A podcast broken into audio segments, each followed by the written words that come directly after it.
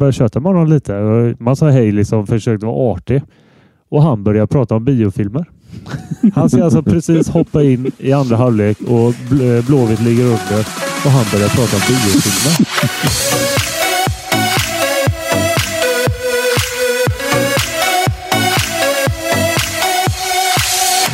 Tjena, tjena Radde. Nu sitter vi här i poddstudion igen. Nej, det gör vi inte alls faktiskt. Eh, det är bara hållt här. Eh, första avsnittet, eller det avsnittet vi spelade in med Per, det var ju liksom sju timmar långt. Och eh, vi var tvungna att göra två delar helt enkelt. Och för att förklara det så spelar jag in ett snabbt intro här själv utan min vapendragare. I, den här del två så kommer vi fortsätta höra Per snacka om domare. Ja, det, det är det han är bra på liksom. eh, nej, men här kommer resten utav Per-avsnittet.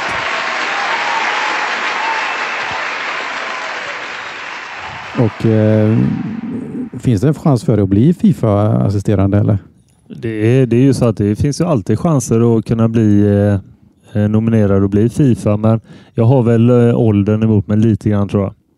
Det finns många yngre i Sverige som är minst lika duktiga, men, som då kanske kan ha en längre karriär och eh, då kanske man satsar på dem. Maxåldern är 45 va? Ja, i, eh, i Sverige har vi ingen ålder. Nej, men Fifa har 45. Fifa har 45. Så att eh, jag kan ju då ha sju år eh, inom Fifa medan en eh, 25-åring kan ha 20 år. Och eh, då har Sverige tagit li- lite inriktningsbeslut att man, man försöker nomine- nominera dem till Fifa som kan eh, gå hela, hela vägen. Det vill säga inte bara bli Fifa utan också kunna komma till VM. Men eh, man ska aldrig säga aldrig. Ja, mitt mål är att bli Fifa AD och eh, vi får se. Men du behöver inte vara Fifa-domare för att döma kvalmatcher då? Nej, man behöver inte vara Fifa-domare för att döma landskamper heller, utan eh, Okej. det gäller att eh, huvuddomaren är klassad Fifa. Så kan eh, sådana som jag få åka med. Är det huvuddomaren som väljer sina... Nej, det är det inte, utan det är ju fotbollförbundet. Eh, men i Europa är det så att det är ju domaren som får match och sen tillsätter eh, den egna federationen, det vill säga Svenska fotbollförbundet, och tillsätter de eh, vilka AD som åker med då. Har vi någon favoritarena i Sverige du gillar att döma på? Ja, och då kan det ju tolkas lite konstigt när man är domare. Men, eh, Ja, men vi tänker väl mer på hur är gräsmattan? Hur är inramningen? För jag kan Mm. tänka mig att... Eh, ja, men jag, säger, så jag, jag svarar så här att eh, jag, jag älskar varenda minut jag dömer allsvensk fotboll. Eh, vare sig det är i Mjällby, eh, Kalmar, Göteborg eller Borås. Skitsak samma. Det är otroligt roligt att få, få en del av det. Sen är det ju så att eh, det finns en del klubbar som har ännu mer publik än vad de andra har. Och det är klart att gå in på Malmö eh, stadion, det heter den inte längre, men jag vet inte om jag får göra reklam i den här eh, podden. Jo, då, det det, får man det får man ju. Ja, den heter ju Ledarstadion då. Att gå in där när det är 21 000 eller gå in på Friends Arena med 30 000, det är, det är ju helt vansinnigt eh, häftigt. är det stor skillnad att döma när de spelar på vanligt gräs eller konstgräs? Ja, det är enorm skillnad. Eh, och skillnaden är ju egentligen tempot. Eh, Hammarby på Tele2 på hemmaplan. Det går vansinnigt fort. Eh, kan man döma samma lag då, Hammarby, fast nere i Mjällby på en gräsmatta, då är det, då är det en helt annan fotbollsmatch. Är du för eller emot konstgräs? Nej, men jag tycker att det ska vara... För att sälja sporten fotboll, då måste vi ha underlag där eh, de som spelar kan göra sitt bästa. Och då tänker jag att antingen måste gräsplanerna vara riktigt bra eller så får det vara konstgräs. Så jag är väl för då. Är du för eller emot VAR? Jag är för VAR. I allsvenskan eller bara överlag? Nej, men överlag för att eh, det är ju- det VAR har kommit för att stanna. Eh, sen har man ju många åsikter om hur det fungerar och allting det här, men det, det, det utvecklas ju hela tiden och vi har ju inte VAR i Sverige utan det, det kommer komma och det måste komma. Eh, dels ur egen synvinkel då, för om, om vi svenska domare vill konkurrera om de bästa matcherna i Europa, då måste vi ha VAR. Och sen är det också så att eh, föreningarna vill ju att alla de rätta besluten ska tas och då är ju VAR ett måste för domare gör ju misstag. Men tror du att, att det segas ner in i svensk eh, fotboll? Dels kan jag tänka mig att det är den ekonomiska, men det måste även vara att många har, tycker att det är charmen med allsvenskan, att det inte finns VAR. Jag tror att många har sett eh, dåliga exempel. Jag tror att det här problemet som har varit med VAR i England exempelvis, att det har påverkat. Eh, sen vet jag att support, supportrarna i Sverige, de är ju inte, de är inte för. Och det, det har nog med det du nämnde precis att göra tror jag. Jag måste fråga en grej nu om VAR. Eh, såg du Sverige-Norge? Nej, men jag vet vad du kommer fråga. Vi hade uppe den här i ett annat avsnitt. Där. ju- Ja, du var ju- jag har inte släppt den alltså. Ja, du var ju lacka. Vi var lacka. Ja. Du har, sett, du har säkert sett eh, situationen. Ja, Det är ju straffen i första matchen. Ja. Nu, nu, eh, vi kan vara eniga om, eh, i alla fall du och jag, Holt, att det, det är inte, vi tycker inte att det är straff. Och det blir ju det blir inget jätteskriveri om den. Men jag tycker den är fel. Men när man gör ett sånt fel, vad, är, vad blir konsekvensen? Alltså när du ändå dömer på... men nu, nu ska vi prata om två olika saker här. Ja. För det blir ju även en straff i den andra matchen, eller hur? Eh, ja. Och i den första matchen är det väl så att domaren blåser och man eh, tycker att eh, fan det där såg jävligt billigt ut. Men i och med att man ser att det är en kontakt, då kan ju inte VAR gå in. Okej. Eh, så när domaren har tagit ett beslut, då får det vara tokfel Men, om VAR ska gå in. men är inte situationen... Det är väl ingen kontakt alls? Det är jättesvårt att se. Alltså nu ser ju vi bara tv-bilderna. Ja. Jo, men man hittar en kontakt där och då bedöms den som eh, soft. Men Mm. VAR väljer ändå att stödja domarens beslut. Och det är det som gjorde det är ju det som gjorde egentligen opinionen väldigt upprörd. För man tycker att här har ju VAR en chans att gå in och hjälpa domaren.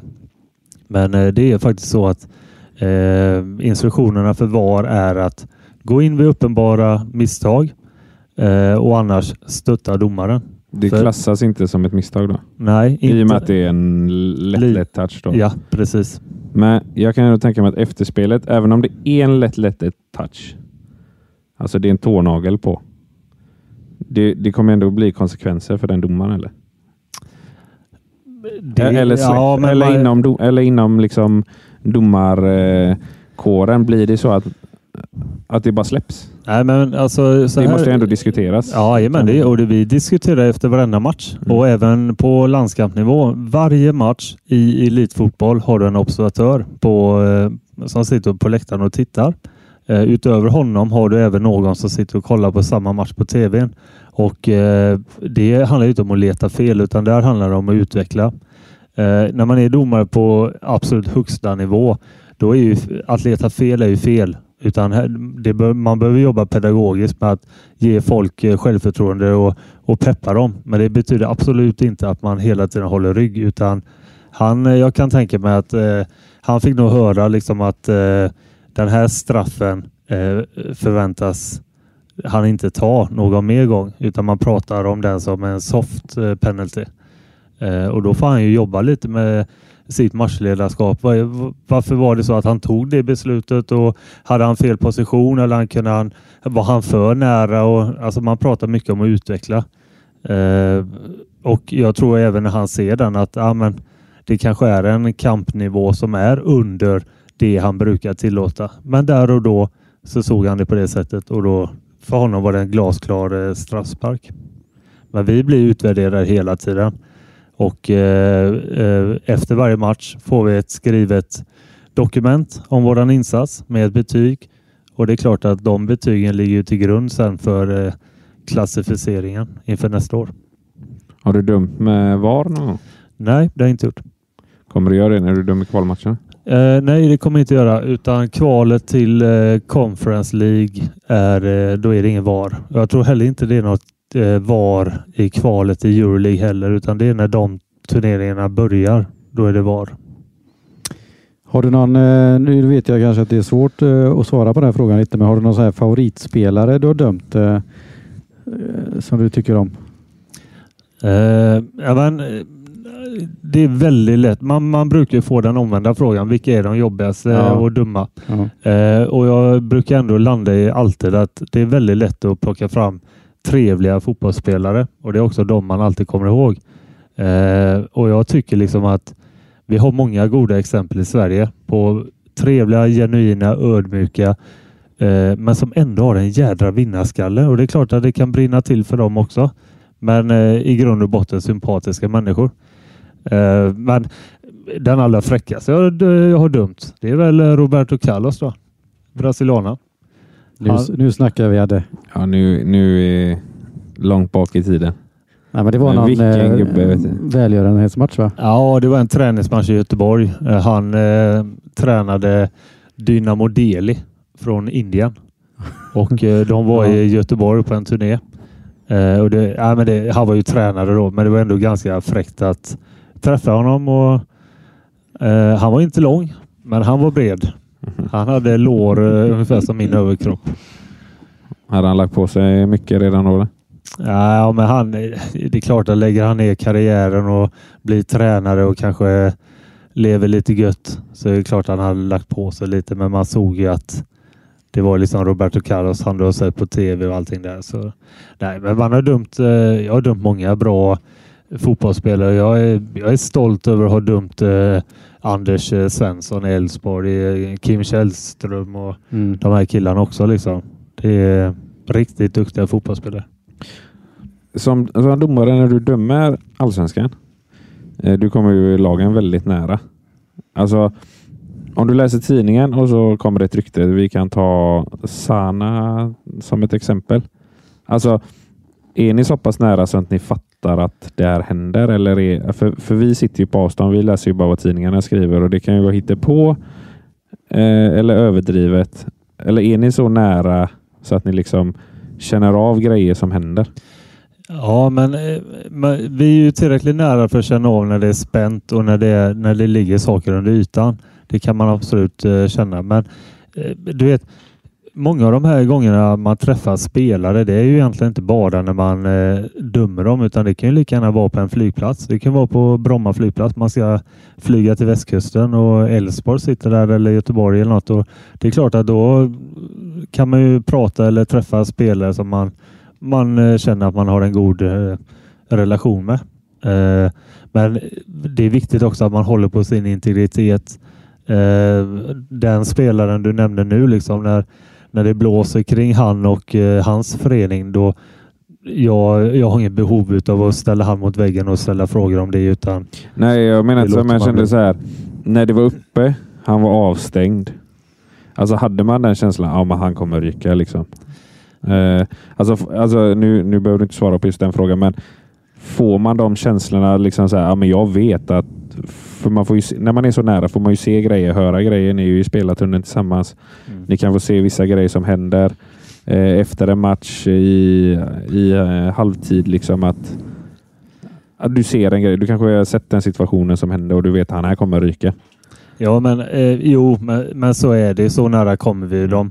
Eh, sen tror jag det är, det är väldigt viktigt att visa på respekt och integritet och liksom inte försöka söka information och de här bitarna. Men, men visst är det så att även tränare kan berätta saker för oss som sen kommer på presskonferens dagen efter. Eh, och man, man förstår ju också inom vilka ramar och vilken kultur både spelare, domare och ledare ska hålla sig inom. Och det är klart att när någon kliver utanför den, då det blir ganska förståeligt faktiskt. Man, man förstår vad som ska hända. Uh, men ja, vi, så nära är vi dem inte utan uh, det är kanske någon uh, tränare som du har, som har extra bra förtroende. Han kanske kan säga någonting och medan många andra är ju väldigt professionella och håller det för sig själva liksom. Hur är kulturen bakom, alltså i, oh, inte stängda dörrar, men i liksom spelargången? Är det macho eller eh, hur? eh, Jag tycker att eh, ja, men alltså, kulturen, man kan prata om miljön istället. Eh, det, det skriks och det gapas och stojas en hel del när, vi, när matchen är igång. Eh, det kan komma kommentarer som inte alls är respektfulla eh, från vissa spelare och då får vi som domare åtgärda det. Eller eh, om, om vi nu hör det. Liksom. Och, men jag tycker ändå nivån är ganska bra i Sverige. Det finns en eh, respekt för varandras roller. Eh, sen eh, har vi väl vissa föreningar och vissa ledare som kliver ur den zonen ibland och kanske kritiserar oss domare väldigt hårt.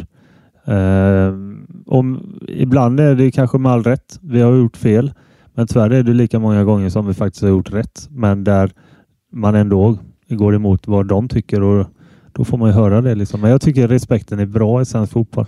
Tycker du media förvärrar era prestationer? Ja, media har ju... Ja, det men- säljer ju. Det ska ju liksom Det är ju tilläggas. klick. Det är Ja. klick. Eh, men vi, har ju faktiskt fått till ett ganska bra samarbete nu med Discovery exempelvis som sänder Allsvenskan. Eh, de har myggat, de myggar oss. Vi, eh, de kan använda våra ljudupptagningar från matcherna i deras sändningar.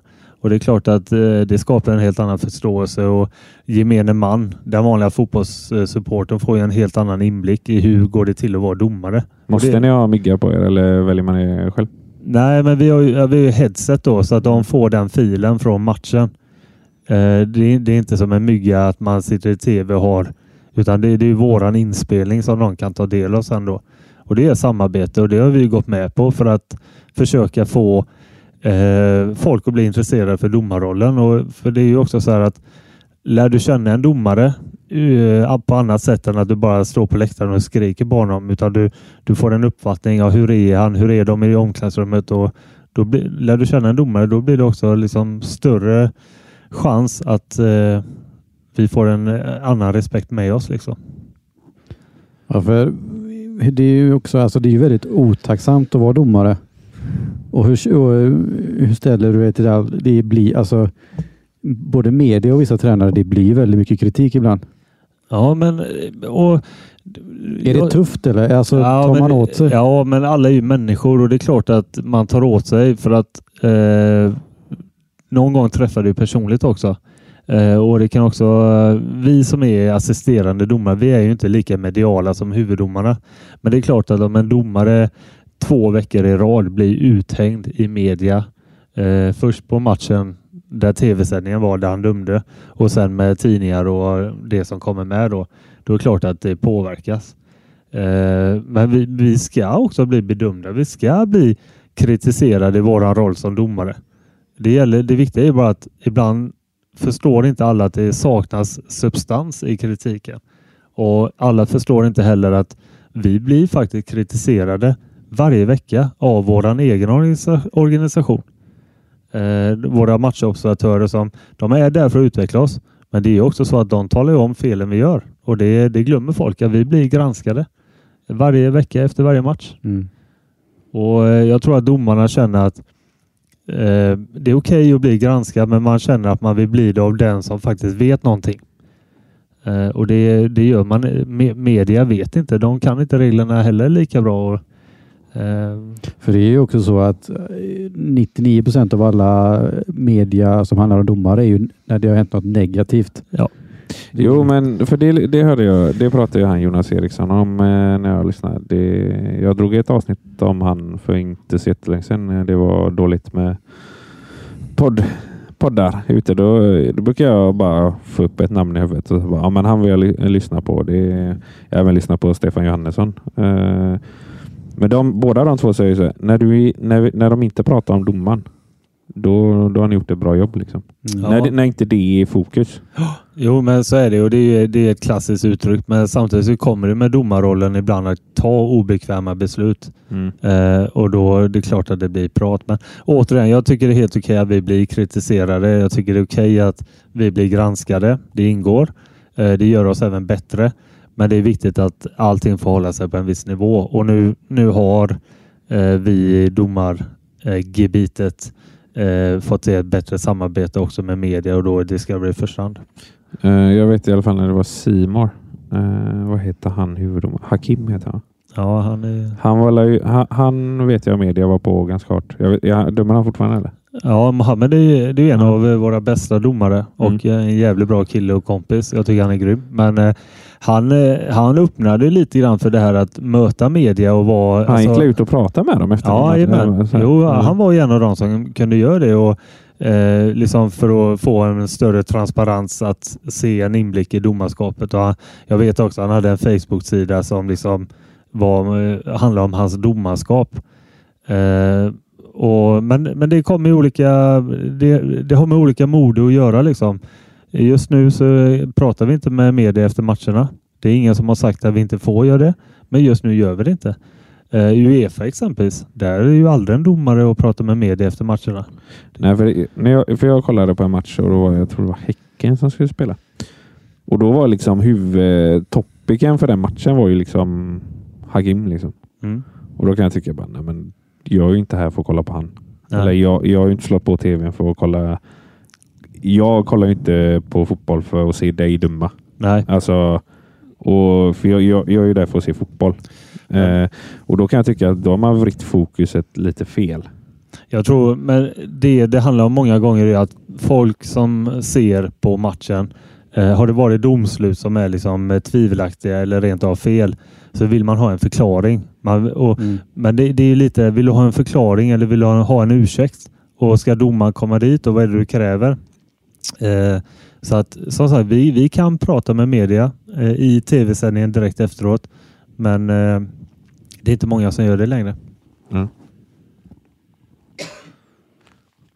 Men om, finns, det om man, någon, finns det någon anledning till det eller är det bara är det, tycker ni media gör det för Nej. stort? Nej, men jag tror att det, det går i perioder. Mm. Det kommer ju såklart från Svenska fotbollsförbundet också, men det är viktigt att säga det att de förbjuder inte oss att prata med media.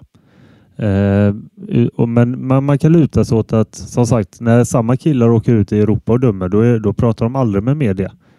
Eh, och det finns de som tycker i Sverige att jo, men vi ska prata med media efter matcherna och det finns de som säger att vi inte ska göra det. Jag, jag, fatt, det, är upp till varje domare själv. ja, och jag fattar ju att man inte kan eh, ge en eh, förklaring på, på alla domslut liksom man gör. Men tror du, inte ni, tror du inte domarna hade tjänat lite grann på när det är en sån här stor situation, till exempel Norgestraffen, att det kommer ut ett pressmeddelande att eh, anledningen till att det här beslutet blev så här är på grund av den här regeln eller den här bedömningen. Alltså, Ja, jag tror, jag tror faktiskt att det hade varit eh, bra emellanåt. För det, det, du, du nämner Stefan Johannesson där till exempel. Stefan är ju den som är ansvarig för elitverksamheten mm. eh, hos eh, oss domare. Och han, han går ju ut ibland och eh, förklarar domslut, förklarar regler. Och jag vet inte, det kanske behöver göras oftare. Mm. Samtidigt så tycker jag man kan vända på det. Någon gång kanske domarna ska få stå där och berätta också det de gjorde bra. Ja, ja. Och även då Stefan liksom kunna stå där och kunna berömma. Eh, Här har vi en kille som Mm. har tagit eh, tre lysande straffbeslut. Men det, det är ju ingen intresserad av för det är ju liksom inte en klicknyhet. Det, det sa han en gång, eh, Stefan, som jag tyckte var väldigt intressant. Att det var något, nu vet jag inte ens vilken situation det är, men det, det är en situation eh, där det skulle vara straff eller om det var rött kort.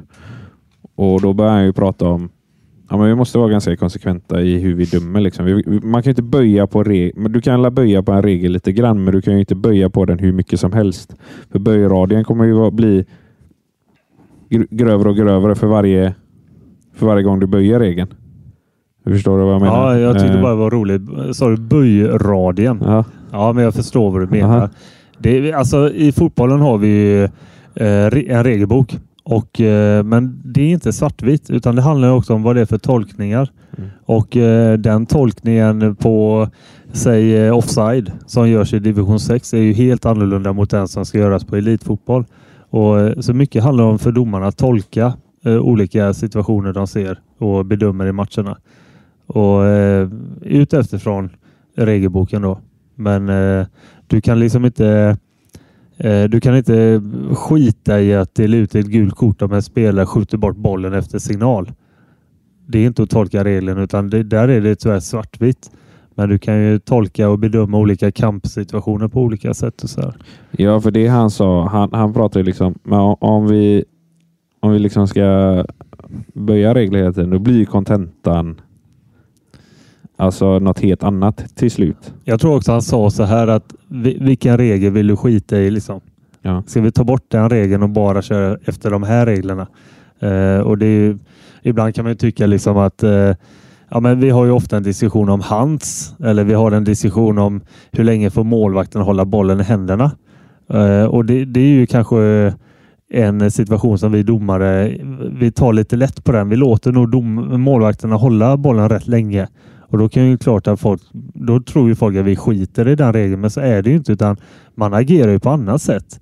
Man kanske inte blåser av, men nog fan står domaren och skriker på, på dem att kom igen nu. Mm. Så man, man eh, eh, tolkar och agerar i olika situationer efter vad, som händer liksom. Finns det någon regel du hade velat ta bort? Eller lägga till? Ja, Som liksom eh, hade kunnat förbättra produkten fotboll? Ja, men det, det är ju för att prata om handsregeln då. Eh, Den är luddig va? nej, den är, Jag, jag, den är, jag, jag, tror, jag tror att folk, alltså majoriteten av alla kan ju inte regelboken. Utan det är bara någonting man har lärt sig genom att kolla på fotboll. Mm. Det är ju ingen som liksom har suttit och läst den liksom till Nej, morgonkaffet. nej, och handsregeln den förändras ju ganska ofta också. Men eh, jag tror att den tolkningen vi har på hands nu är bra. För den innebär bland annat att det är inte gulkort varje gång. Eh, den innebär att du får liksom göra misstag med bollen. Du skjuter iväg den, du skjuter den på egen hand. Det blir ingenting. För vi kan inte heller ha en fotbollsmatch där man har händerna på ryggen. Så som eh, Victor Lindelöf Nilsson alltid försvarar i eget straffområde. Han Ja. har ju alltid händerna bakom.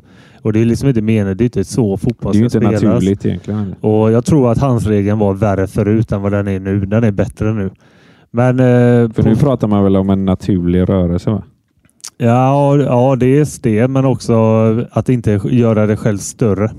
Det, det handlar om det egentligen, att inte göra det själv större. Men hur är det i luftduellen när man hoppar upp med armbågar och så? För den där vet jag att folk pratar riktigt olika om vi kollar på experter i tv-studios och sånt. Ja, men eh, med armbågar och armar, då pratar man egentligen om två saker.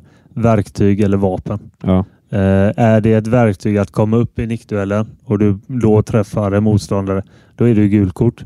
Eh, är det snarare så att du redan är i nickduellen eh, och sen drar ut armbågen, då kanske det luktar vapen istället. Mm. Eller att du sätter in armbågen innan du hoppar. Då är det också ett vapen. Liksom. Så det är verktyg eller vapen. Och det skiljer på gult eller rött kort. Zlatan hade bara vapen va? Eh, ja. Men jag tänkte på det du sa innan där med regler och Mm. man är inne lite grann på att förändra reg- reglerna nu, exempelvis med speltiden. Eh, Jag vet att man kommer prova i Holland om det var någon kupp eller någon tredje division eller någonting. Där kommer man prova att spela med effektiv speltid. Eh, Jag är ju traditionellt lagd så jag vill ju att fotboll ska vara två gånger 45 minuter men jag inser också att det går väldigt mycket tid åt annat.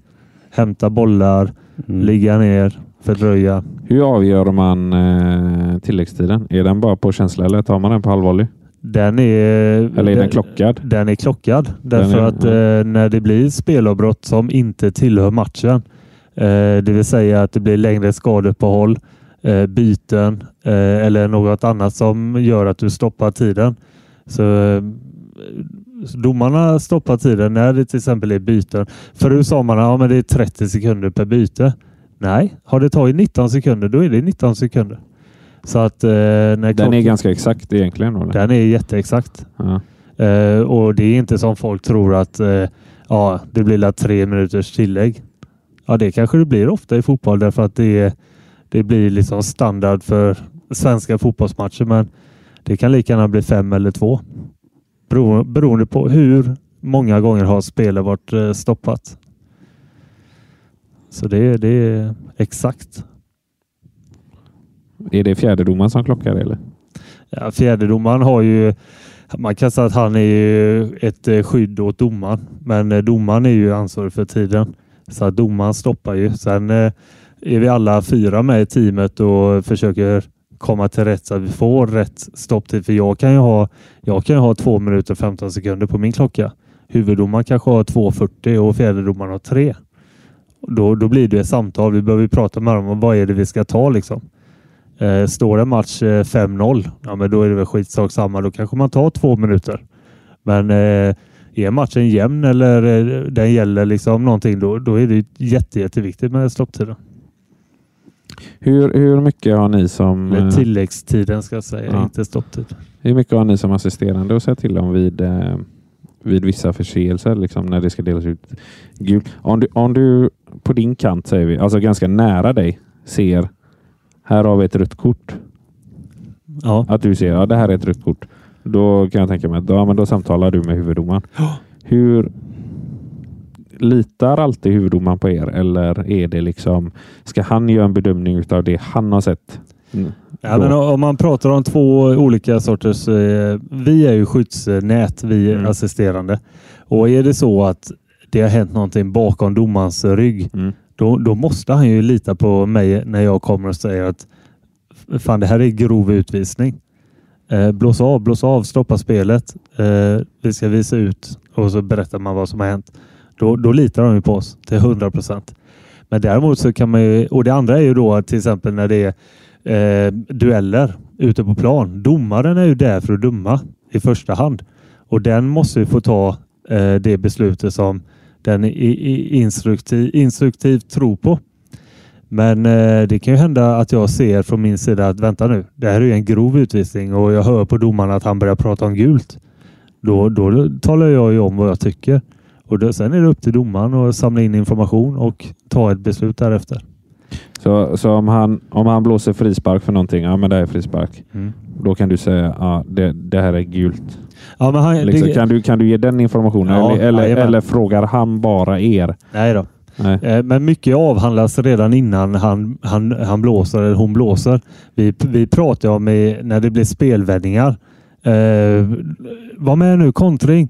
Kanske någon annan säger ja, fyra mot två. Ja, men då är du redan inne på samtalet om lovande anfall. Alltså blir den personen fälld nu, då är det varning. Eh, jag kanske ropar, eh, de kommer med en jädra fart, det är öppen yta. Alltså saker och ting som jag ser som kan bidra till att han eller hon sen kan ta rätt beslut när spelaren blir fälld. Eh, ofta pratar man om målchans. Det är ofta väldigt så att man pratar redan innan det händer. För sen när man väl har blåst, då huflukt kanske mittbacken är 10 meter nedanför. Men när personen blir fälld, då var den eh, mer ensam mot mål med en klar målchans. Så att det är viktigt att det pratet är innan. Men sen kan det vara liksom att det smäller. Domaren blåser frispark och utifrån han eller hennes position så tycker hon eller han att det är en varning. Eh, och då kan vi andra fylla på. Antingen tycker vi också att det är varning eller så säger vi bara vänta, vänta, vänta. Kan det här vara rött? Och så kanske man får berätta vad man såg. För det är inte alltid bäst att vara närmast utan ibland är det bra att slå en bit ifrån. För det kan väl även hända så här att domaren ser, han tycker det ska vara gult. Medan du ser. Från det, så är det ju för oss som sitter i soffan och kollar. Liksom, när du ser det första gången, shit det där måste vara gult. Mm. Men så får du se det i repris och du har antagligen fått se det från en annan vinkel och bara, nej men det där är inte gult. Hur, är det ni hejdar gula kort också eller? Ja, men Eller är det liksom, släpper man det? Vill du Ja, gult jag, jag kan säga så här, i den senaste matchen jag dömde Mm. i helgen, då blåser domaren en frispark där det inte överhuvudtaget är någon kontakt. Spelaren halkar. Och det är klart att då går jag in och ändrar domaren och säger det här är absolut ingen frispark. Varpå han sen får ta ett nedsläpp. Eh, och det gör... Så, men där var det ju ett uppenbart fel. Men sen får man komma ihåg att i situationer där jag tycker kanske, vad fan är det där varning? Domaren är där för att i första hand besluta om gula och röda kort. Så att jag behöver inte opponera mig mot vad domaren tar för beslut. Eh, är det en bedömning då får jag lita på att amen, han gör det efter sin bästa förmåga och det är förmodligen rätt. Det är egentligen när det är tvärtom. När det är, vänta nu. Ser du att eh, han träffar med sträckt ben på skenbenet? Äh, fan var det skenbenet? Då kanske domaren säger jag tror det var foten. Men då har man ju skillnad på gult och rött kort exempelvis. Men eh, vi lägger oss inte i liksom med de här vanliga bedömningarna utan det får vara verkligen att fan det här är nog fel. Det ska nog vara det här istället. Och då får jag säga vad jag tycker och då är det upp till domaren. Är ni med i bedömningarna av straff? Ja, ja det är vi absolut. Vi är med och bedömer allting. Mm. Den ADn som är närmast eh, försöker efter sin bästa förmåga assistera domaren.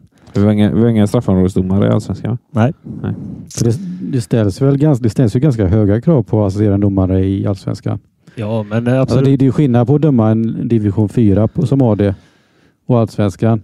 ja, det, Jo, men det, det här vi pratar om nu, alltså de ska ju ta beslut på Ni kan ju liksom inte eh, vänta för länge med att ta ett beslut heller. För då Nej, skapar men- man ju en men irritation. Jag, jag vet ju också Nej. att eh, om, du, om, det är, om det är någonting framför dig som du, som du in, inte tar, som du borde tagit, då får ju du liksom skit för att det där skulle du taget. Liksom.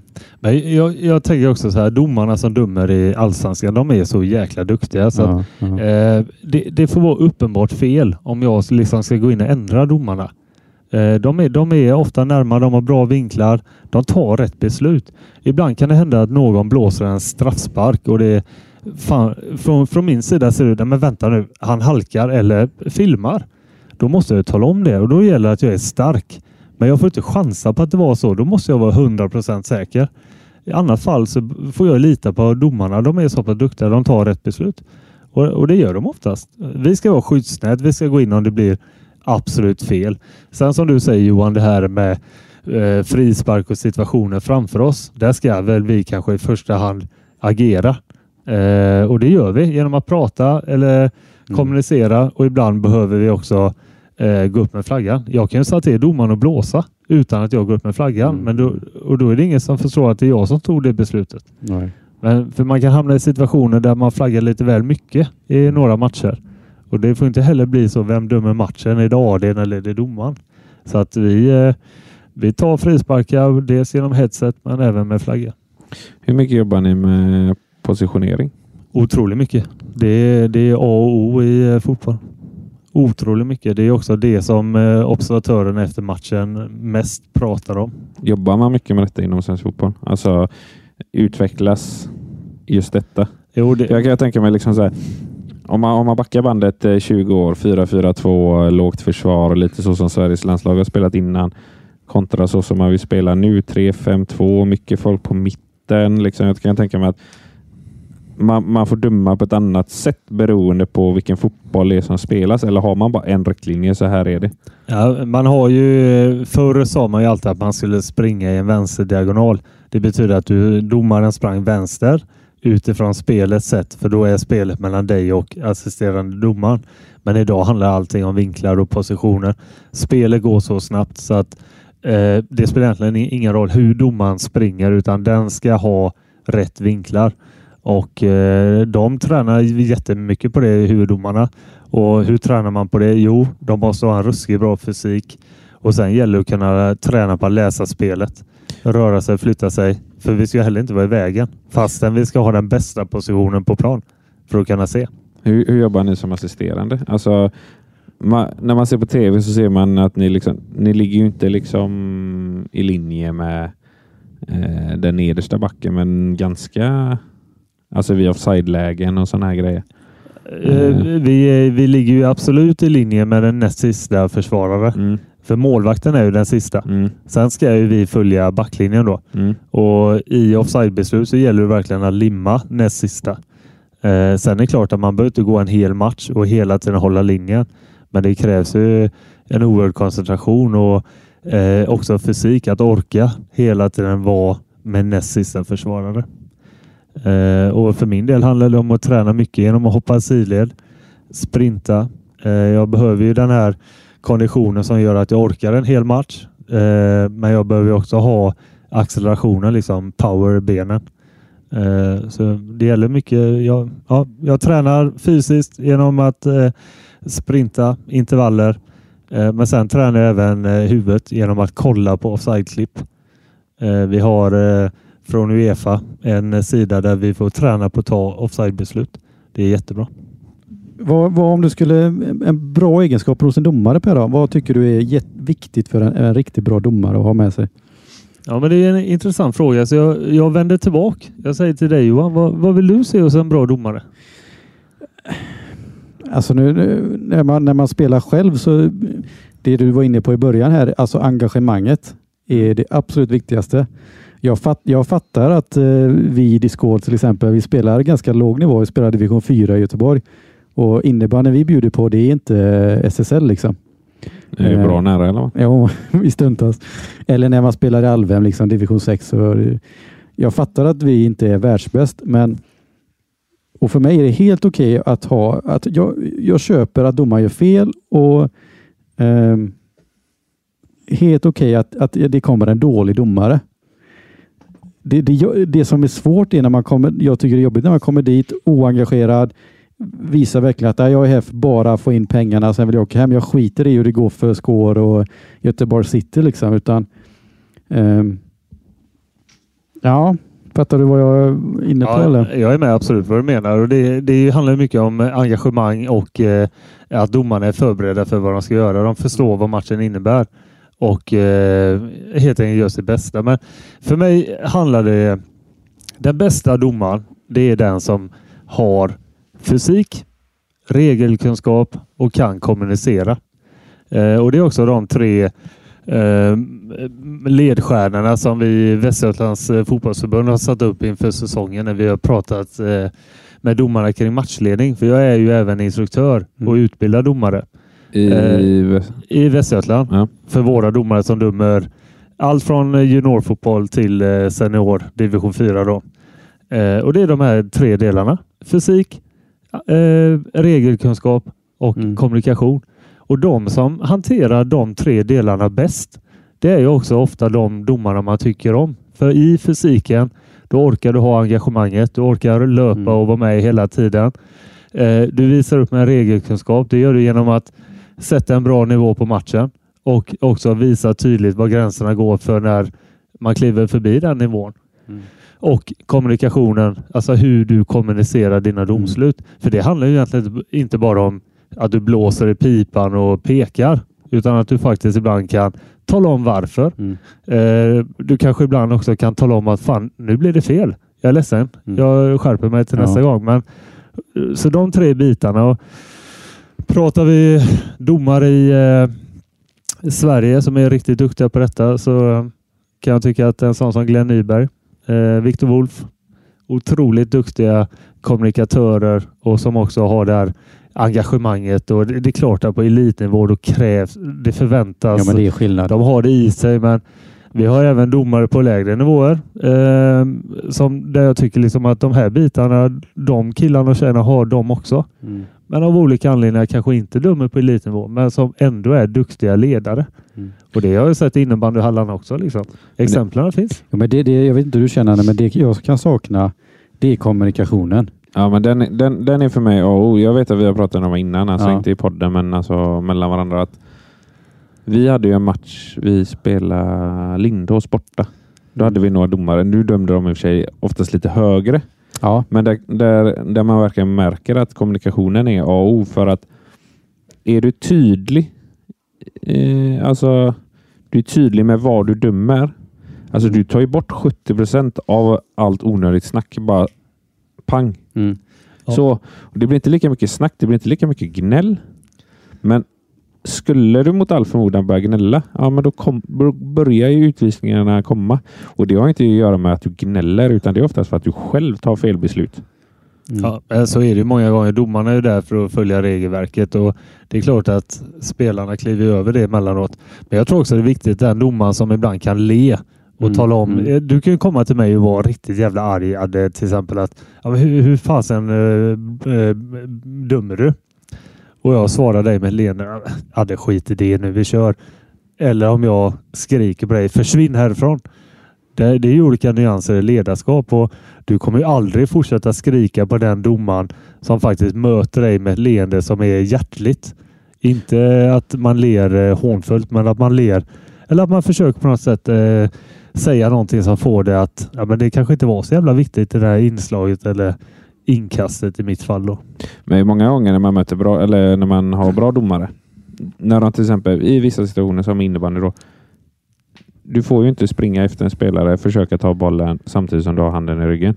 Alltså det, det är ju egentligen två minuter. Liksom. Gärna att du trycker lite också. Liksom.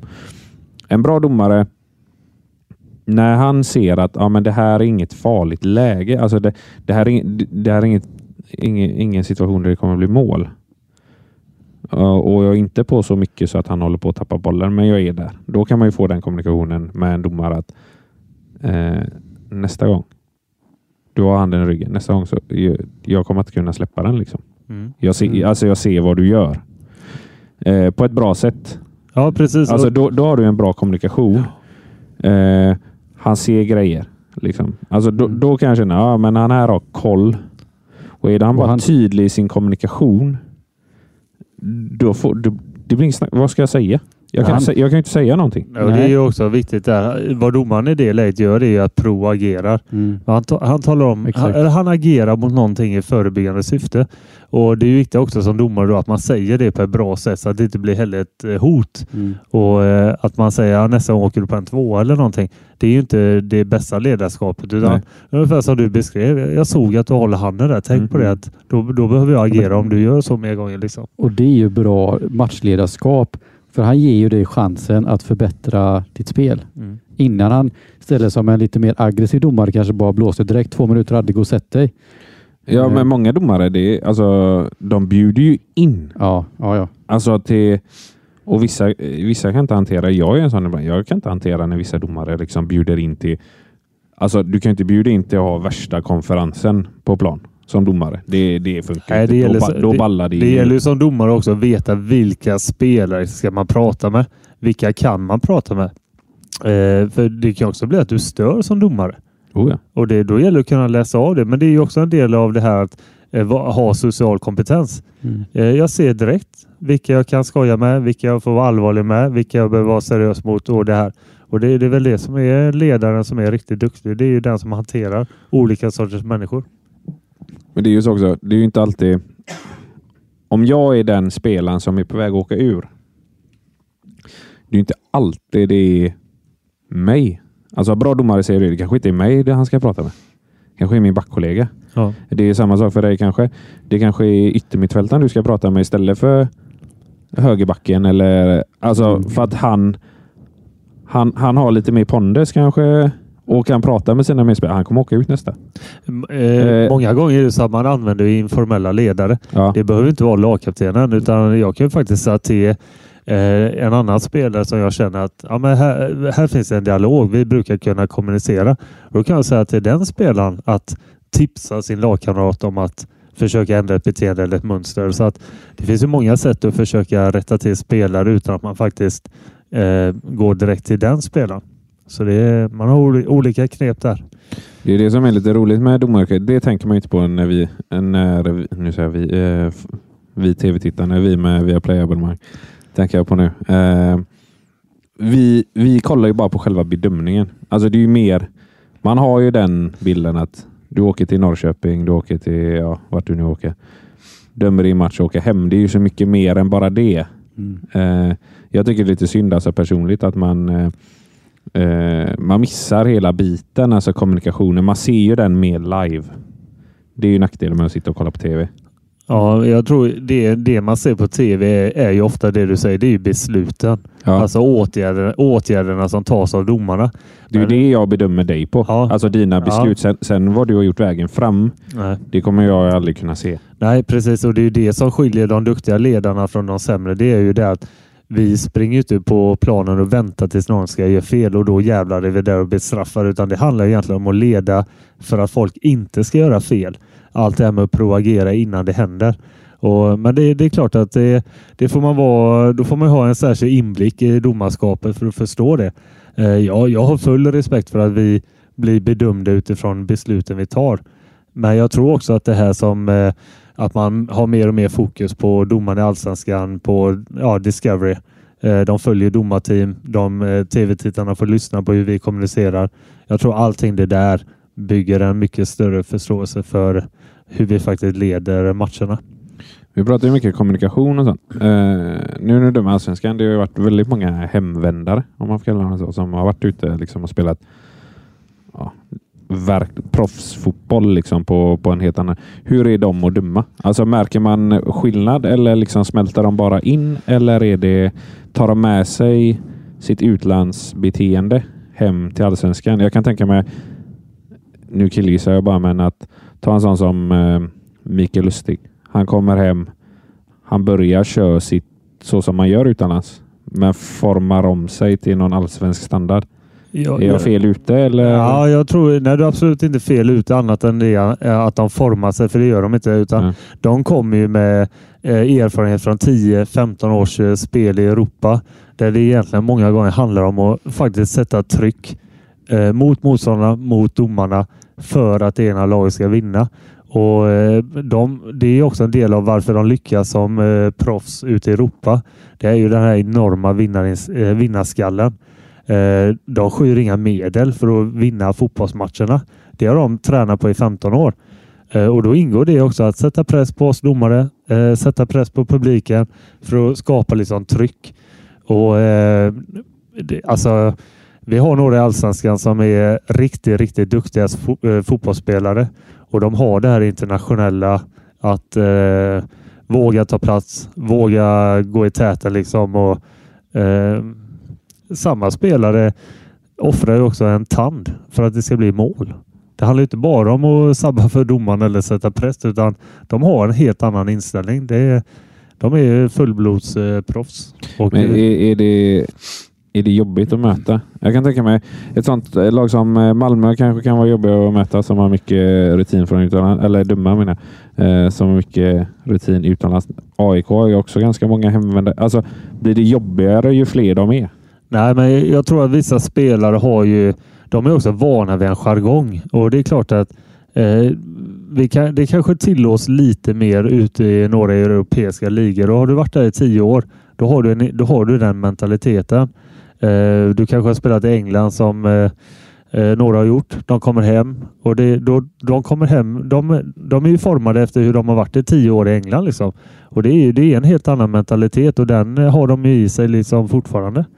Eh, det är inte jobbigare att döma de lagen som är ute internationellt eh, mot de här lagen som kämpar i botten av allsvenskan. Det, det kan ha sina utmaningar på varsitt håll, men de här spelarna, de, eh, de utmärker sig. E, dels för att de är jävligt duktiga, men också för att de eh, är beredda att göra vad som helst. Och det betyder inte att de är otrevliga, utan de, eh, de hörs och syns, men eh, ofta är det positivt. Skulle du vilja säga att du har en eh, en eh, längre kommunikation med dem än en vanlig. Säger en, eh, en kille som kanske har tre år i Allsvenskan, han kanske är 20-21 år jämfört med en, liksom, en som har varit proffs utomlands. Ja, men det är, ja, jag, för, ja, för det jag kan tänka mig är ju liksom att om vi tar en sån som eh, Lustig, Sebastian Larsson eller vem som att de, deras mun går i ett med dig. Ja, när det då, är på din kant. Ja, det, jo, men, de, men du kan ju inte heller avfärda de spelarna. Du, jag kan ju inte möta dem som att de inte har någon aning om något. Jag, jag försöker alltid vara respektfull mot alla, men eh, det, nog kan det vara svårare att kapa en diskussion med dem än vad det är med en eh, yngre kille som bara har spelat några år i Allsvenskan. Men jag tänka mig så här, är det inte mer diskussion? Eller det behöver inte ens vara en diskussion, men alltså att det är mer snack med dem på plan under en match än vad det är med en mer oerfaren spelare? Frågan är jättesvår. Ja. Men för dem, ja, det var som jag sa förut, de tar väldigt mycket plats. Mm. Och, och, med all rätt. Alltså, men det betyder inte alltid att de gör fel. Utan de har det här drivet och den här inställningen. Eh, det ligger bara i naturen att ifrågasätta. För dels för att sätta press men också att eh, de, de har varit med så länge så de kanske också ser på när vi tvekar lite och det utnyttjar de. Eh, och det, det är kanske inte en eh, orutinerad eh, spelare som bara varit några år i allsvenskan gör på samma sätt. Så det, men man, man får ändå tänka på att de är fotbollsspelare spelare som alla andra liksom, och de ska också infoga sig i reglerna. Liksom. Vi får ta en, en till podd med Per sen när han har lagt av så han kan uh, outa några namn också. Ja. på jobbiga, jobbiga spelare. Alltså, jag, jag har respekt för dem ni kallar jobbiga spelare också. Jag tycker liksom att man får komma ihåg att vi är olika individer. Några kan lägga band på sig lättare och några kan det inte. Och liksom, men allting handlar om samma sak. De vill vinna ja, och ja. de är vinnarskallar och det är liksom mitt jobb att bemöta dem. Mm. Eh, de, de kommer med affekt. Då ja. kan inte jag möta dem med affekt utan jag får försöka vara, ibland får man vara psykolog, ibland får man vara vuxen, ibland får man vara lärare och, och mitt i det hela är man också domare. Liksom. Du jobbar som jobbar, jobbar, jobbar. Eh, du är observatör. Det pratar vi lite ja, om. Men, eh, vad, vad är nästa steg? I, i, för någon gång kommer du att lägga upp här. Ja. Men jag, jag så känner det lite grann. Har ju svårt att se att du kommer lämna fotbollen. Ja, det kan vi inte göra. Vad, vad är nästa steg för dig sen efter karriären? Liksom? Discovery. Det ska bli studion. Nej, ja, men jag gillar ju att De hör på. den här podden vet du, och han går viralt. Jag har ju hållit på mycket med fotboll. Jag, har varit ledare, jag har tränat och jag eh, spelar själv och liksom det är dömningen och det här. Men jag, jag älskar ju fotboll och jag är ju redan nu med och utbildar domare i Västergötland.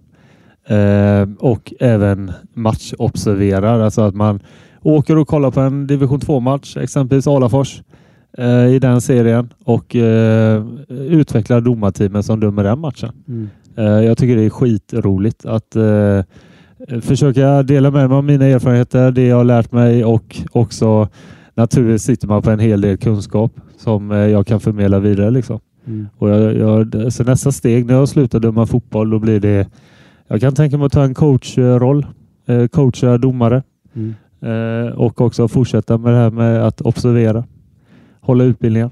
Hur ofta observerar du? Ja, det blir, det blir ganska ofta. Nej, nej, nej. Det blir ganska ofta. Någon gång i veckan. Eh, och det är klart. På, på, inom vilket spann på nivåer? eh, Du allt- väljer inte match kan jag tänka mig. Utan, Nej, jag blir, det, man blir tilldelad matcher. Men i första hand så tittar jag i division 2 eh, när säsongen är. Men jag kan även titta på matcherna i Västergötland som innebär division 4, 5, 6. Eh, jag ska till exempel nu i augusti hålla utbildning för eh, steg 2 där eh, domare från Västergötland kommer gå. Eh, så jag tycker det är fantastiskt kul och det blir någon match i veckan. Så, så är det. Jag har varit med Per några gånger när han varit observatör och är det något jag måste ge dig, du är sjukt duktig på det alltså. Ja, det var roligt att höra. Ja, men, men eh, du är jävligt pedagogisk och do, domarna som han tittar på de, de får ju en, alltså en bra eh, observatör tycker jag. Men de vet ju också vad jag dömer normalt sett och de vet ju vilken erfarenhet jag kommer med. Mm. Eh, och då, vet de om att du är där? ja, jajamän, man mörkar ingenting utan eh, jag är ju där för att utveckla dem och komma med tips och idéer om hur de kan bli bättre. Eh, I det innebär det också att jag ibland behöver tala om att det här är inte bra. Det här får du sluta med eller det här behöver du bli bättre på. Men i första hand handlar det om att eh, få dem att hitta olika känslor och nycklar som gör att de kan ta eh, nästa steg i sin eh, domarutveckling. Och jag tycker, det, är- jag tycker det är jättekul och det är ett eh, privilegium att kunna få göra det. Eh, och det är verkligen en chans jag tar varje gång jag får. Hur, hur, eh, hur går det att kombinera att vara fotbollsdomare med, med ett vanligt jobb? Ja, det krävs eh, planering. Nu har vi lite längre listor än vad vi hade förut. Jag berättade att matchen kom på måndag och så skulle man döma på fredag uppe i Östersund. Då fick man ju komma på tisdag morgon till chefen och fråga om han fick ledigt. Eh, så det krävs ju planering, alltså så är det. Nu har vi två veckors varsel. Men eh, varje gång jag är borta från jobbet då behöver en vikarie komma in. Eller mina grymma kollegor som eh, allt som oftast får hoppa in och göra mitt jobb. Eh, så det går att kombinera. Jobbet och familjen är viktigast. Men eh, fotbollen är prio. Så kan man säga. Mm. Men är allting, eh, när ni åker iväg, vad, ni har ju ert arvode, men är det Svenska fotbollsförbundet som står för liksom kostologi eller hur funkar, hur funkar det? Eller är det föreningarna som får betala det dit du åker? Det, är, det är föreningarna som betalar alltihopa. Men ni bokar hotell och sådana grejer? Ja, eller? vi, har, det, vi har faktiskt, eh, vad gäller hotell så är det, det är bokat till varje match. Så att, eh, är vi, det föreningarna som gör det då? Nej, det är fotbollförbundet. Eh, och sen vad gäller resorna så skickar vi till en reseagent och talar om vilken match vi har, eh, vart den är och så får de ta fram lämpliga resor till oss. Och, och kvitto eller räkningen för alltihopa den handlar, hamnar hos eh, hemmalaget till slut. Eh, så det är ett, det är ett ansvarstagande man har där också. Att försöka se till att eh, kostnaderna inte skenar iväg. Utan att eh, vi ser till att åka så mycket vi kan ihop. Samma bil, samma flyg. Så att det blir lättare och mindre kostnader. Tittar de liksom på vart ni bor eller liksom alltså rent eh, liksom ur en ekonomisk synpunkt så är ju Göteborg det bästa stället för att döma alltså IFK och Häcken om man ska se det Ja, vi, rent reseekonomiskt. ja, och tid man lägger ner så blir Ja. det bäst. Men, Men de har ingen sån. Vi åker över hela Sverige. det är för att få en så bra produkt som möjligt egentligen eller? Ja. Alltså och liksom Ja, men den diskussionen kom för några år sedan när eh, man, man sa ju det att men en göteborgare kan ju inte döma Göteborg-Malmö i Malmö. Men när man hade Jonas Eriksson och Stefan Johannesson som var Sveriges bästa domare. De var i, bodde i Stockholm. Skulle de då inte döma eh, seriefinalen AIK-Malmö? Då fick man ju börja ändra det. Så att eh, jag kan döma matcher i Göteborg. Inga problem. Eh, men Det jag åker- händer också eller? Ja, jajamän. Mm. Men jag åker ju över hela Sverige. Vi, det tas ingen geografisk eh, hänsyn överhuvudtaget utan det ska vara rätt domare på rätt plats. Och Det innebär ju då exempelvis att en eh, stockholmare skulle kunna döma AIK eh, Göteborg. För det ska vara rätt man på rätt plats. Man vill ju inte heller ha för mycket att det är samma domare på samma lag hela tiden. Eller? Kan jag tänka mig. Nej, men eh, vi, vi, Men- har, vi har många heta matcher i Sverige och vi har många duktiga domare så att eh, det, det är nog rätt. eh, Det är nog bra ruljans på tillsättningarna. Är det inte också så när man kommer till den här nivån? Om man samlar alla domare i ett rum. Låter dem döma, säger de fem första omgångarna. Det syns, hade ju synts ganska tydligt om, Mm. om det liksom ja, var en stockholmare som dömde ett Stockholmslag och gav massa fördelar. Det, det, Ja. det, syn, det syns Ja. för enkelt. Ja. Ja, ja. Och det, Han, han, han hade ju förs- försvunnit ur leken direkt. Ja, Ja, alltså, så vi blir ju granskade av allt och alla så att det hade ju kommit fram direkt om det skulle vara något Ja, sånt. för så är det väl. Den enes bröd, den andres död. Eh, hade det ju blivit. Men eh, ibland tänker man ju så här, man eh, kommer från västkusten och exempelvis, eh, det är många gånger jag har dömt uppe i Östersund. Jag har dömt Östersund, Häcken, Östersund, Elfsborg, Östersund, Göteborg. Man tänker liksom att ja, jag kan nästan ha åkt med bortalaget. Men eh, eh, det är så det ska vara. Det coachas och man får den matchen utifrån den formen man har och eh, utifrån vad matchen gäller. Och, eh, sen som jag sa förut, det händer ibland när man sitter på flygplatserna med bortalaget och ska ta samma flyg. Men eh, det gäller att ha distans också. Liksom, och, Jo. Men på den, här, på den nivån då måste man vara professionell. jag Alltså- kommer ihåg en gång, eh, jag kommer ihåg, jag kan berätta det, jag satt uppe i- återigen i Östersund och hade dömt till Häcken där. Och några av de äldre killarna i Häcken, eh, behöver inte tala om vilka, men de satt och frågade ut mig om hur man blir domare. Vilka nivåer är det man går på? Vad är det som krävs? Och hade ett genuint intresse. Och efter en timme då eh, var det dags att flyga hem. Men den timman ägnade de åt att fråga om domarrollen. Liksom. Så det kommer mycket positivt ur det också. Men du har ju dömt sedan 2019 i Allsvenskan. Känner du att Allsvenskan har blivit en bättre produkt för oss som tittare under de här tre åren? Alltså, Är det ut, bättre, bättre utvecklas fotboll? Allsvenskan? Det känns som att den fick ett litet uppsving när eh, de här landslagskillarna började komma hem. Återigen eh, Sebastian Larsson, eh, Mikael Lustig, Andreas Granqvist. Kim Källström. Ja, Ja, jag har egentligen varit med i Allsvenskan sedan 2016 då eftersom jag har haft matcher Mm. eh, sedan dess. Men, ja, men det är svårt att säga när man är inne i det. Men jag tror också att det här med eh, media. Eh, Simor hade det ju förut. De gjorde ju den grejen jätte, jättebra. De, de lyfte liksom Allsvenskan från ingenting till jättebra. mm. Eh, nu har Discovery tagit över och det är, det är bra reportage inför matcherna. Det är, det är mycket försnack. Det är eftersnack. Alltså, produkten eh, Allsvenskan, den har nog aldrig varit så bra som den är nu. Och det beror ju också på att eh, lagen, exempelvis Malmö har gått bra i Europa. Eh, hemvändarna kommer hem och de inte bara kommer hem och hämtar kontrakt utan att de faktiskt ger järnet. För Eh, ett tag kändes det nästan som att utlandsproffsen de var kvar. De avslutade sina karriärer där ute för att det var, det var det är ju bättre dåligt, betalt. För dåligt, ja. Och allsvenskan inte var en sån bra produkt. Idag känns det ju nästan som att alla vill vända hem ett, två år. Ja, men det, Mm. och precis. Och det är ju det som jag sa förut där att vi har världens bästa liga i allsvenskan. Eh, och det är inte spelmässigt, men det är baserat på intresse. Liksom. Sen är det svårt för mig som domare att säga eh, huruvida de här hemvändarna levererar bra, men det är ju inte tråkigt för allsvenskan att Marian Hamsik eh, skriver på. Liksom. Nej, det är, Eh, och Nej. för övrigt en väldigt sympatisk kille kan jag säga. Han, du dömde du han eller? Ja, flera gånger. Ja. Eh, men så jag menar, lyckas man eh, eh, knyta till sig sådana och så är det bara att titta i lagen som är över halvan i allsvenskan.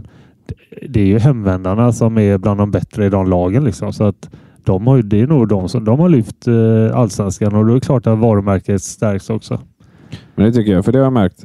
SHL har ju också blivit en bättre produkt. Mycket också att det, det surras lite mer omkring. Alltså, speciella poddar bara för det och det är samma sak med allsvenskan. Men det känns som att hockeyn är snäppet före kan jag tycka. Eh, allsvenskan.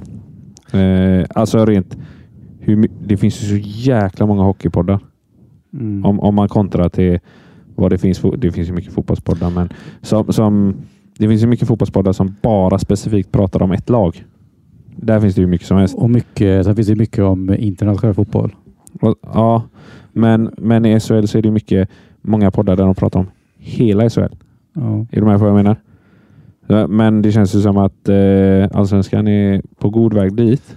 Men det var en rolig grej igår. Jag kollade på Sverige-Brasilien igår, dam, eh, Mm. damfotboll, och då pratade jag eh, med min fru. Och hon, ju, hon tycker det är grymt att det ska vara ett eh, fotbolls-EM i sommar. Liksom. Jag tycker också det är kul. Jag kommer ju följa det. Liksom. Men då började jag prata med henne. Jag tycker det är det, är väldigt mycket, det har varit väldigt mycket snack om damlandslaget det senaste om ersättningar hit och dit. Och, Mm.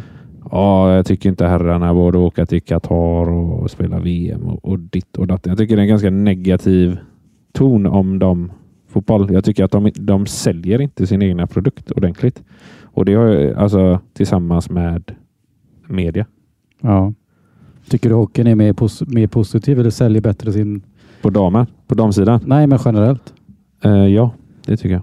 Ja. Nej, Jag, jag tror också att hockeyn är ju jäkligt duktiga på att skapa arrangemang. Ja. Eh, ja. Och Det är också oerhört bra eh, tv i hockeyn. Alltså de produktionerna är riktigt, riktigt bra. Ja. De rider ju lite på sin eh, familjestämpel som hockeyn har. Fotbollen har väl lite den här huligan-grejen. Men just det med damfotboll som jag, som jag sa till min fru där liksom att de, de, använd, de, de är på herrarna att de ska använda sina sociala kanaler till att liksom göra en fotbollsvärld bättre. Men de Mm. själva sitter ju bara och gnäller på sina egna förhållanden. Sen så tycker jag de ska, givetvis de ska ha lika mycket pröjs och grejer. Mm. Mm. Men jag tycker de borde fokusera på att sälja sin produkt mycket bättre. Ja. Alltså, och nu menar jag inte så här mansgrisaktigt att de ska spela i kjol och skit, utan Nej. Alltså, jag visste inte ens att Sverige och Brasilien spelar, eh, alltså spela, skulle spela en träningslandskamp, för jag hörde det på vägen hem i radion. Eh, Så lite- Jag, jag hoppar in och säger så här att jag tror det är viktigt att eh, eh, damfotbollen får samma förutsättningar. När, när de har samma förutsättningar, Mm. då kan de också sälja produkten. Eh, vi har ju en allsven, allsvenskan för damerna i Sverige. Den är i högsta Europaklass.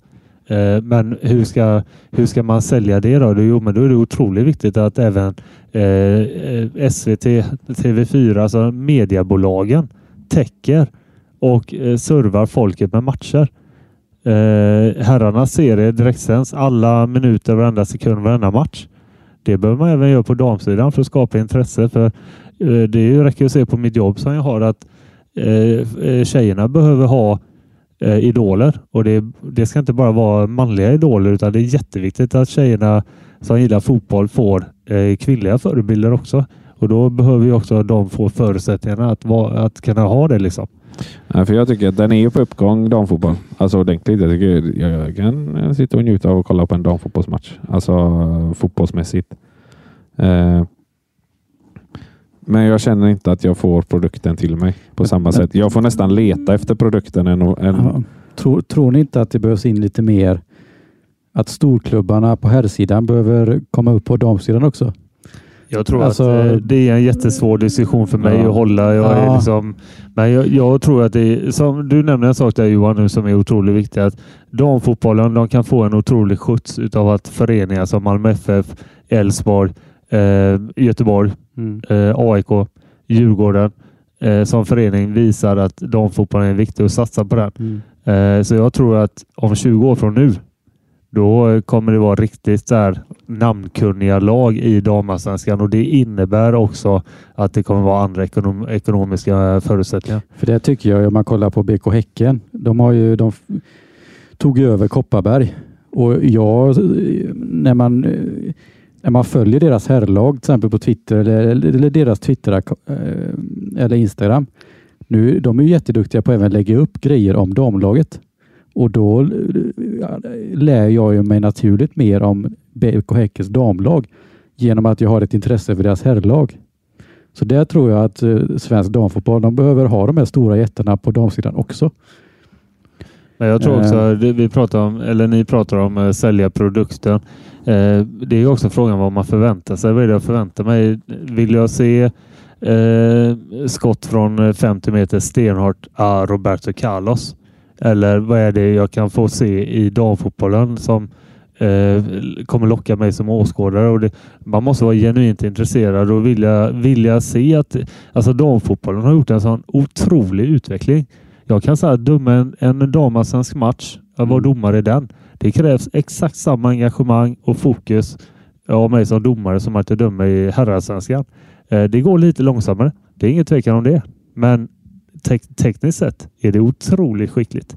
Eh, jag, tycker, jag tycker damfotbollen i Sverige är någonting vi ska vara stolt över. Jag tycker att eh, vi har riktigt, riktigt bra landslag och Mm. Den diskussionen om att skapa rätt förutsättningar för dem, den eh, stöttar jag till 100 procent. Jag, jag, det jag efterfrågar är egentligen jag vill att han ska sälja sporten. Men jag tycker det, det, Mm. det är en bra... Det känns nytt. känns fräscht på något sätt. Men det- Damfotbollen idag. Alltså, förr tyckte man ju så här, ja, damhockey är ju inte jättefräscht om jag får säga det själv. Eh, när de får spela med galler och det ser ut som att det är juniorer som åker runt. liksom. Mm. Eh, damfotbollen idag, den är ju teknisk, den är ju snabb. Det är ju helt annorlunda än vad jag tyckte när liksom Victoria Svensson och Mm. Men damfotbollen har ju, speciellt framförallt i Europa, har ju tagit ett jättekliv. Ja. Eh, Jag menar, de, Barcelona och Real Madrid dam, de kan ha 90 000 på läktaren på Camp Nou.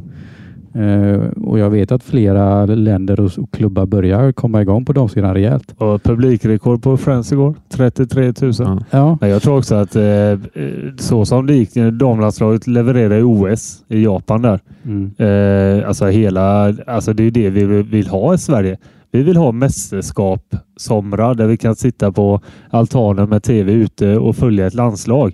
Mm. Eh, så jag, jag tycker, det var ju härligt att se och jag hoppas att eh, EM i sommar blir samma nu. Där man känner liksom att alla går ihop för att heja. Eh, precis som vi pratade om förut när det var andra delar i OS. Där hela Sverige sitter och kollar på curling. Liksom. Jag tyckte det var fantastiskt av damerna och jag tror att sommarens EM kan bli likadant. Men det jag tycker media gör lite fel med när de sänder dammatcher. Jag slog på SVT igår. liksom. Mm. Ja, men då står det två stycken i studion. Jag knappt vet vilka det är. Mm. Alltså sänder TV4 dam säger vi. Mm. Ja, men då ska Kim Källström sitta där.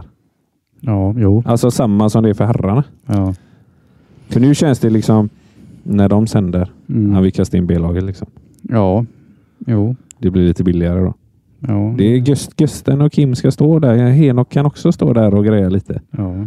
Och är det på via, är det på Viaplay så då får Bojan sitta där och kritisera. Är vilt. ja. Ja? Jo, jo, men om, om det ska lyfta någonstans så är det ju dit de måste komma. Jag tycker det. Jag hoppas när vi sitter där med säsong tre i podden att Ja. eh, då är det ett jävla uppsving. Då har Bojan sågat eh, Frido, Lina, Rolf eller vad hon heter. Ja, ja, men du vet när, när kvällspressen intervjuar Bojan och säger vad, vad hände helgen? Jo, men jag ska se Champions League-finalen. Liksom, eh, då är det Lyon mot eh, Arsenal och det är inte herrarna utan det är damerna. Damerna, ja. Ja, ja. ja jag, jag håller med dig. Jag hoppas också på det. Snäll jag är då. Är du det? Ja, är jag inte det? Jo, du är, all, du är alltid snäll. Adde. Ja.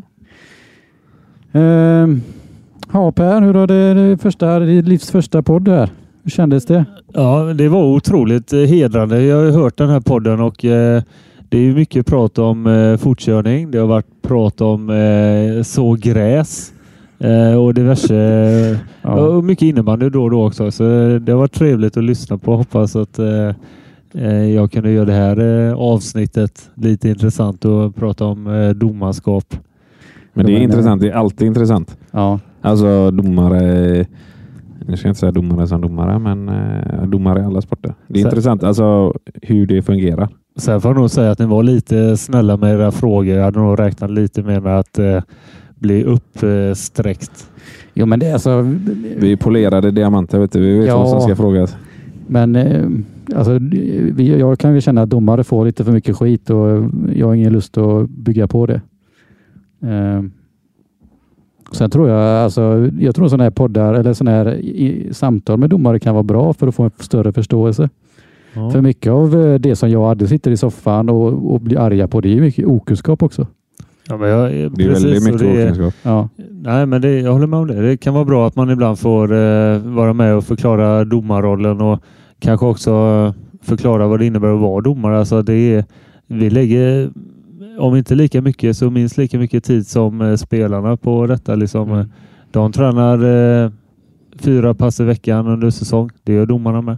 Sen är, det, Fem kl- pass. sen är det klart att jag gärna idag hade ställt frågan liksom, vem, vem är grisigast i allsvenskan eller vilken spelare är, beter sig värst. Men jag fattar ju också att du inte kan ge det svaret idag. Nej, det är dumt. Jag, jag, det vi behöver inte outa någon utan. Eh, det, det, man kommer inte överens med alla och vissa ser tv-tittarna själva liksom som beter sig illa men det är lättare att prata om de som faktiskt eh, är riktigt duktiga och sköter sig om man säger så. Ja, Eller så pratar vi om Pontus Wernbloom. han är fin. Han är Alltså, fin. Pontus är fin. Han gillar. alltså, det, är ju en, det är ju en drömgäst i eran podd. För det, är, det är en av de roligaste människorna jag har träffat. Ja, han och har- jag har han har- träffat honom många känns, gånger. ju, han känns för jävla rolig den gubben. Han, eh, jag kan berätta när vi dömde Han har e- egen podd. 20, 2021 eh, innan han slutade, för han slutade mitt i säsongen förra året va? Eh, så var det någon av matcherna. Det kan varit Göteborg-Mjällby eller så var det Göteborg-Hammarby. Och eh, jag kommer ut i andra halvlek, springer bort. Eh, det var på Nya Ullevi då. Så sprang jag bort och kollade målet och eh, när jag springer tillbaka till eh, min plats som var framför bänkarna då. Det heter assisterande domarrätt. Då eh, står han där och väntar på att ska bli inbytt. Och bortalaget hade inte kommit ut ännu. Så jag hamnade där att jag började köta med honom lite. Man sa hej liksom, försökte vara artig. Och han började prata om biofilmer. Han ska alltså precis hoppa in i andra halvlek och Bl- Blåvitt ligger under. Och han börjar prata om biofilmer. Och också tillägger lite grann att vad fan gör man här? Inte på något sätt att han hade dålig inställning då, men han är så tankspridd. Ja. Så får ni hit honom till podden då, då kan det bli eh, titta, eller ja, lyssnarrekord. Ja. Får, jag, får jag bara ta hans nummer så, så ska jag lösa. Du ska ju lösa, du ska ju lösa Stanley Cup-bucklan nu också. Ja, men du vet, jag har mycket att göra. Alltså, det, Det, det, blev, det måste, vi, måste vi ändå säga att vi fick ju vårt eh, guld här nu. Känner, Ja, ja, känner, känner ni Gabriel eller vadå? Nej. Förra podden så... ja, jag, kan, jag ska inte säga att vi är fan av honom. Han är fan av mig. Som eh, sa jag förra. Ja, förra podden så Ja. eh, vinner de så skulle Adde få hit eh, Stanley med Gabbe. Ja, men jag, jag, alltså, nu, nu är mitt schema fullspäckat. Ja. Jag går på semester. Jag jobbar denna veckan och eh, nästa. Sen går jag på semester. Och innan det så ska jag ha hinnat, hunnit toppdressa min gräsmatta. Där kom det gräsmattan. Där kom gräsmattan. Ja. Jag ska på till eh, eh, vad fan är Aslingesvärd med, med kidsen. Mm. Eh, Det var ju lite grann på den nivån att du vet inte om du har tid med Landeskog. Nej, precis. Jag ville veta något, vill veta något roligt eller? Han, står nog och väntar på det tror jag. Ja. Jag stod, jag stod idag. Jag var och gjorde ett förråd och jobbade idag. Och så jag har haft en ganska god dag. Eh, Så jag har varit och lunchat med en polare också under dagen. Och så här.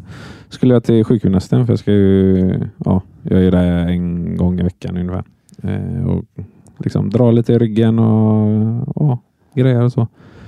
Men det var så jävla varmt idag så jag kände fan jag måste hem och duscha innan. Fan, jag kan ju inte komma dit och lukta apa. Nej. Så jag kommer hem, duschar. Och så har det gärna varit så lite soligt och så. Så jag ville ju bara kolla liksom på vigselringen. Liksom så här, hur mycket färg är det under? Och det, den är, handen är lite halvsvullen nu när det blir så varmt. Så jag drog av den. Och så bara... Fan. Jag har bröllopsdag idag. Idag? Ja, idag ja. Och, du har, och du har bokat podd? Nej men så, eh, så här, på med den igen så tänkte jag, fan ska jag köpa något eller? Liksom. Fan, då- kände jag så här, nej men jag kanske ska få någonting. Kände- Kände jag då liksom. Ja. Jag, jag kan tänka mig en blombukett eller något. Ja. Nej men så åkte jag sjukgymnasten, kom hem och så sa jag till frugan så här, liksom, eh, ja grattis på bröllopsdagen. Och hon bara, "Ah, du kommer ihåg? Jajamän. När kom du på det? jag bara, "Ah, jag kom på den jag stod i duschen. Eh, hon bara, så hade vi lagat lite mat där och så. Hon bara, vi kanske ska köpa lite glass av eh, glassbilen när den kommer sen. Ja, det, det kan ni göra. Vadå ni? jag bara, jag ska iväg och podda. Jag har sagt det. Jag vet att jag har sagt Ja, men det är helt rätt prioriteringar, Ja. det tycker jag. Vad fan, det är, det är många timmar kvar av den här dagen. Ja, ja. Får jag faktiskt hoppa in och säga en sak här nu när ni pratar om eh, Landeskog och Colorado. Ja, Eh, Johan, du fick ju en ganska fin bild av mig för två veckor sedan. ja. När jag skulle Det- på det är- träningsläger i Spanien med golfen. det blir jag lite avundsjuk faktiskt. Då, eh, mitt favoritlag i NHL, det är ju faktiskt Colorado. Och, Vårat eh, med. Ja, jag har hört det. Och eh, det är ju faktiskt natur, naturligtvis på grund av Peter Forsberg. Eh, och jag satt på Arlanda för två, två veckor sedan. Skulle flyga till Spanien. Så ser jag, fan, det, där sitter ju Forsberg liksom. Han ser upptagen ut. Han hade headset, eller vad heter det man stoppar i öronen? Headset? Airpods. Airpods. Airpods. Och så satt han och pratade för sig själv. Men jag tänkte, fan det stoppar ju inte Renlund utan jag går fram och ber om en selfie. Och du vet, han fortsatte samtalet samtidigt som han tittade upp och tog selfie med mig. Alltså han kunde bara kasta Ja. bort mig, men det gjorde han ju inte. Han är nog så jävla van vid det där. Så. Det tror jag med. Så den bilden fick Johan. Ja, verkar jag lite avundsjuk faktiskt. Det, Ja. men det kan jag tänka mig. Ja. Det var kul. Det är min, Forsberg är eh, bra. Forsberg är min största idol. Han är grym. Ja, nej, men äh, Gabbe ringer väl här. Jag tror han ringer där imorgon eller något. Ja, ja. Han har fullt upp nu. Festa. Ja, men han vill ju ha med mig du. Men jag har ju inte tid. Nej, nej, det var fullt upp. Nej, men det, det är så gött det guldet. Ja, det gjorde det. Det jag, var, ja, vet du vad jag gjorde eller? Inför eh, femte matchen. Ja, nyårsafton. Eller midsommarafton. Eller midsommar. Ja, eh, då... Eh, jag sa det till frugan. Vet du vad som hände ikväll eller? Eller i natt? Hon bara, nej, det, det är avgörande. Ikväll eller i natt lyfter vi bucklan. Ja, visst, sa hon. Så när vi gick och la mig så sa har du ställt klockan på två nu eller? Hon bara, nej. Eh, men jag ställde ju den på två. Så vaknade jag upp då vid två och tänkte yes, nu jävlar ska vi kolla. Och för fan 40 minuter försnack innan. alltså, jag kände så här, ska jag ställa om klockan? Ja, Viaplay kör ju... Med 15 reklampauser. Jag tycker Ja. försnack är grymt, men kanske inte två på natten. Ja, men eh, Viaplay, eh, Viasat är seriösa. Vet du. ja, som fan. Så jag höll mig, var- höll mig vaken. Så torskade de. ja, den var tuff. Ja, det var riktigt. Jag kollade också faktiskt på den matchen. Och sen så eh, var det så jävla mycket den helgen. Mm.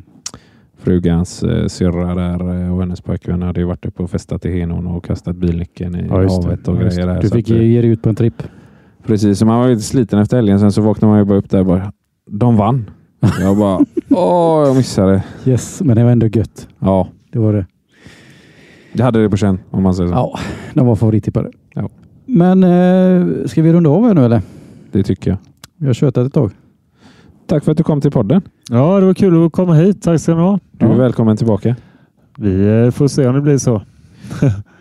Ja, men det har varit riktigt kul eh, att ha det här. Jag tänker att vi kanske ska ta en... Eh, du får komma tillbaka efter allsvenska säsongen så kan vi summera lite. Det kan vi vad du tycker om din egen säsong. Just det, jag måste bara... Sista frågan. Vilka vinner SM-guld? I eh, fotboll. Ja. Eh, Det vet vi i eh, början på november. ja, ja, men det, det är ju det som också är, nej, men det är ju det som är fotbollsallsvenskan. Det är ju, eh, det är ju sju, Ja, sju ja, lag kan ja. vinna. Och det är apropå att sälja produkten. Där, där är kanske den stora skillnaden eh, eftersom det är så jävla jämnt. Mm. Så att vi får se i november. Jag tror Giretti skjuter guldet. AIK. Mm. Jag tror Malmö. Tror du det? Mm. Ja, det tror jag. Nej, men eh, ja, i höst kanske. Så gubbar och damer, där har vi nästan två, tim två och en halv timme med Per fördelat på två avsnitt klart.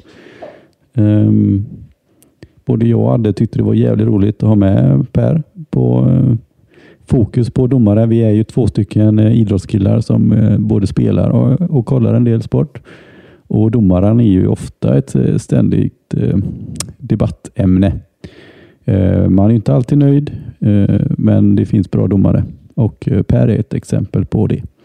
Vi tackar Per för att han ställde upp på de här poddavsnitten och eh, hoppas ni har haft det trevligt. Ja, det, vi återkommer snart med ett nytt avsnitt. eh, som kan handla om vad fan som helst. Men eh, ta det lugnt där ute. Kör inte på några cyklister och eh, ha det fint.